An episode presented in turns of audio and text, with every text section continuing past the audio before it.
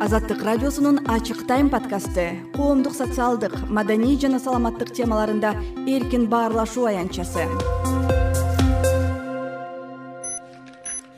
сизде рак болушу мүмкүн. Тезинен онкологияга барып текшертиңиз.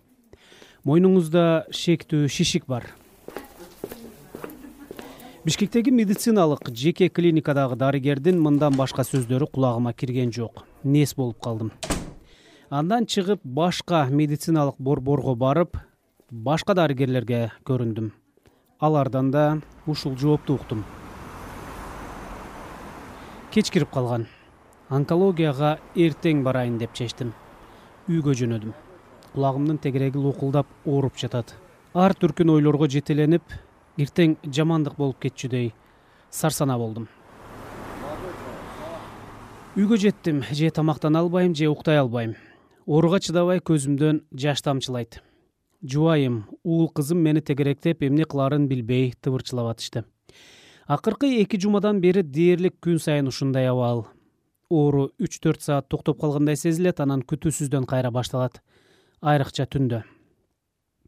Анын үстүнө дарыгерлердин рак болушу мүмкүн деген божомолу дартты ого бетер күчөтүп ийгендей сезилди. Эртеси кечке улуттук онкология борборунда текшерүүдөн өттүм. Мени адистер аябай кылдат текшеришти. Ошентип көпкө күттүргөн медициналык аныктама чыкты. Курч мүнөздөгү жаак моюн лимфаденити рак илдетине байланышы жок. Тезинен ооруканага жатып чукул операция кылыш керек дешти врачтар бул окуя эки миң жыйырма экинчи жылдын январында болгон. Аны сизге айтып берүүгө эми убакыт таптым. Ошол кездеги эки жумалык азап жанымды көзүмө көрсөтүп жибере жаздаган. Кулагым чыдатпай ооруп мен жергиликтүү поликлиникадагы лор дарыгерге көрүнүп кулагымды эле дарылай бериптирмин. Бирок жылыш болбой оору күчөй бергендиктен башка адистерге көрүнгөнгө туура келди көрсө биз байкабай суук тийгизип же инфекция жугузуп алып кенебестиктин айынан дартка чалдыгып калат экенбиз.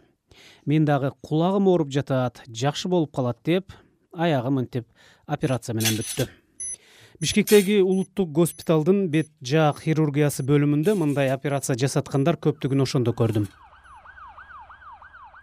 Курч мүнөздөгү жаак моюн лимфаденити деген эмне бет жаак хирургиясы бөлүмүнүн башчысы алмаз кулназаровдон маалымат алганга аракет кылдым. Тиштен кеткен э, ириң инфекция тиштин башында болот. Адонтогенный дейбиз. Тиштен кеткен инфекция ириң пайда болгондон кийин ошол жерде жакын жайланышкан лимфа бездер чоңое баштайт реакциясы. Булардын өзү лимфа бездин өзүнүн э, функциясы ушундай да кай жерде инфекция болсо кандайдыр бир. Ошону э, бул күзөт катары кармашып ошону жок кылганга аракет кылышат. Ошол себептен алар чоңоюп кетишет.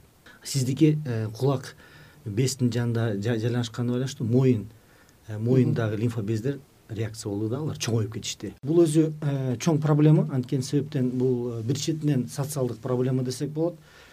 Көбүнчөсү баардыгын деп айта албайм көбүнчөсү бул проблемалар мурун союз учурунда бизде диспансеризация деген болгон да мектептерде андан кийин уже э, жогорку окуу жайларында э, стоматологдордон өтүп проблемаларын карап тиштерин баарын дарылатып болгон. Азыр андай жок.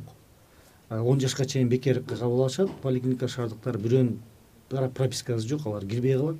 Убагында тиштерин дарылатпайт.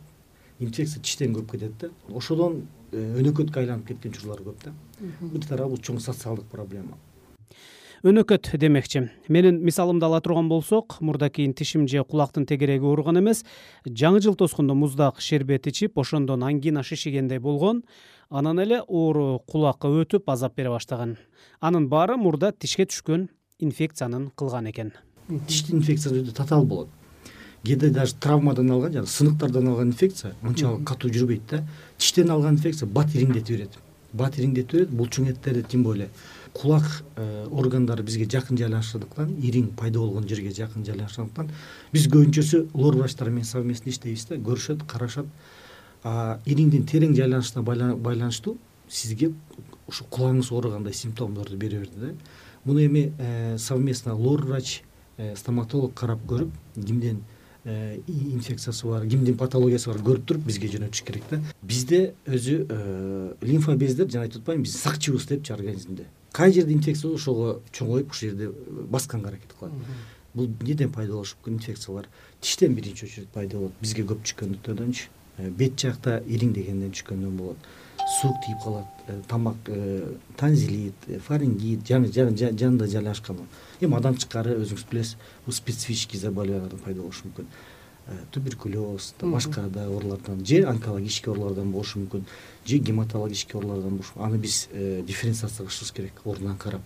Эмнеден лимфа эме бездер чоңоюп кетти? Же биздин воспалительный процесс же системный заболевание жүрүп жатабы ошолорду дифференциация кылып карашыбыз керек да.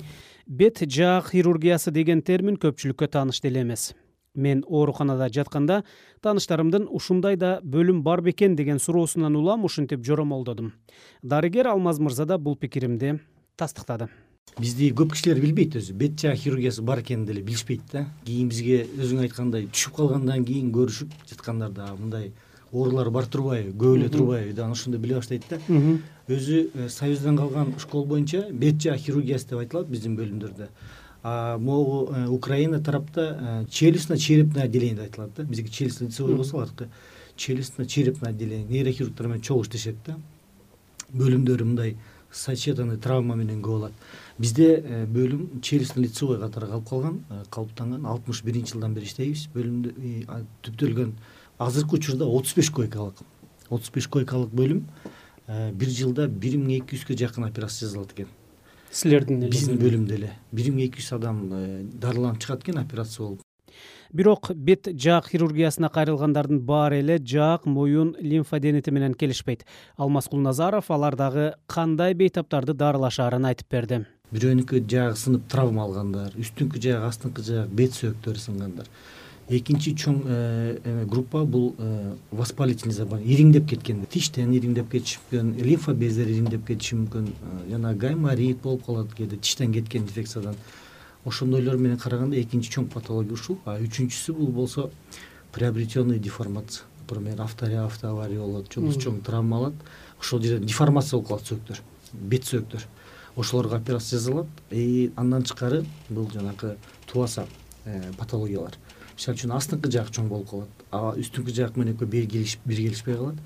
Биз же үстүңкү жаакты чоңойтобуз же астыңкы жаакты кичирейтебиз ушундай патология. Бул пластикалык операциядан кандай айырмасы бар мунун жок бул ошол эле пластический операцияга кирет. Э, бул бир бөлүмү гнатология деп айтылат. Жаактар бет сөөктөрдү э, атайын операция жолу менен же узартып же кичирейткен бул да биздин тармакка кирет биз ушу бет жаак бөлүмү дегенден кийин мына моюндан өйдө деп атпайлыкпы патология. Ушунун баардыгын бет жаакта воспалительный заболевание болобу травма болобу же жанакындай тубаса э, проблемалар баардыгын камтыйбыз да. И андан тышкары доброкачественный опухольдорду алабыз. Бизде жыйырма төрт саат бою кызмат иштейт. Э, проблемасы болсо түздөн түз эле келе берсе болот. Бөлүмдө э, приемный блок бар ичинде жыйырма төрт саат бою күзөттүү дарыгер бар. Республикада деги ушу сиздердин тармагыңыздарда канчалык адистер жеткиликтүү? Өзү биздин эме профессия эме да узкий специальный да специальность. Бизде өзү бет жаак хирургиясында ашып кетсе бир э, жыйырма беш киши иштесе керек деп ойлойм да. Ичинен э, бизде бөлүмдө бир он эки адам иштейт он эки хирург иштейт. Баардыгы жогорку квалификациядагы кандидат науктар бар. Андан тышкары кафедра бар. Кафедра челюстно лицевой хирургия деп айтылат и э, хирургический стоматология. Ал жерде бир алты сегиз адам иштейт. Балдардын республиканский больницасында Э, хирургия бар детский отделениясы будан тышкары ош жалал абадта бирден бөлүмдөр бар. Калкыбыздын саны чоң болгондуктан түштүктө ошто чоң бөлүм бар. Бирок бизде санавиация деген бар. Санавиация боюнча жакын жайланышкан бүтүн райондор башка областтар биз менен байланышып ушундай бейтаптар болуп калса байланышып бизге которушат. Же кээде биздин кызматкерлер ошол жака барып келишет. Санавиация менен барып машина менен операциясын ордунан жасап кайра келишет. Э, санавиация менен деле бизде жылына бир жүздөн ашык э, выезд болот экен башка больницаларга. Заманбап жабдуулар жетиштүүбү азыр? Бул эми эң чоң көйгөйлүү эме маселе да. Бул көп жылдан бери э, келаткан проблема. Бул суроону көбүлөп көтөрүп атабыз. Больницанын уровенинде да көтөрүп атабыз. Башка жерде дагы акыркы бир жыйырма беш жыл отуз жылдан бери чынын айтса жаңы заманбап инструменттер бизде жок экен. Аларга келе экен именно биздин эмеге бөлүмгө. бөлүмгө. Бул маселени чечүүгө кандай аракеттер бар негизи? Же азырынча бир азыр жакынкы беш жылда он жылда чечилчүдөй? Жок аракеттер бар. Бизде азыр башкы дарыгер токтой исраилович манаев менен да сүйлөшкөнбүз. Ал киши да бизге национальный улуттук госпиталга келгенден бери чоң иштерди жүргүзүп атат бөлүмдөрдө жаңы жабдууларды алып берип атат. Э, больница чоң болгондуктан э, баардык бөлүмдөргө жете албайт экен да. Э, отуз сегиз бөлүм бар. Ошонун ар бирине аракет кылып атат. Жаңы томографтар коюлганга аракет кылып атат узи аппараттар келип атат. Биз жазып бергенбиз кандай бизге эмне эмелер керек жабдуулар керек аны караштырып атат. Уже заявкага бергенбиз. Азырынча буюрса чечилет деген үмүттөбүз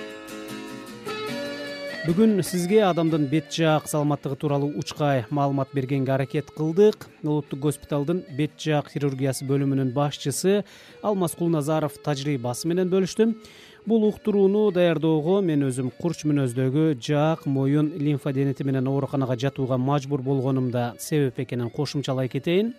Баса операцияга чейин жеке клиникада мага рак болушу мүмкүн деп тезинен текшерүүгө жөнөткөн дарыгерлерге да рахмат. Болбосо оорунун себебин так билбей жүрө беришим мүмкүн эле. Менин аты жөнүм санжар эралиев укканыңыз үчүн рахмат. Оорубаңыз. Азаттык радиосунун ачык тайм подкасты коомдук социалдык маданий жана саламаттык темаларында эркин баарлашуу аянтчасы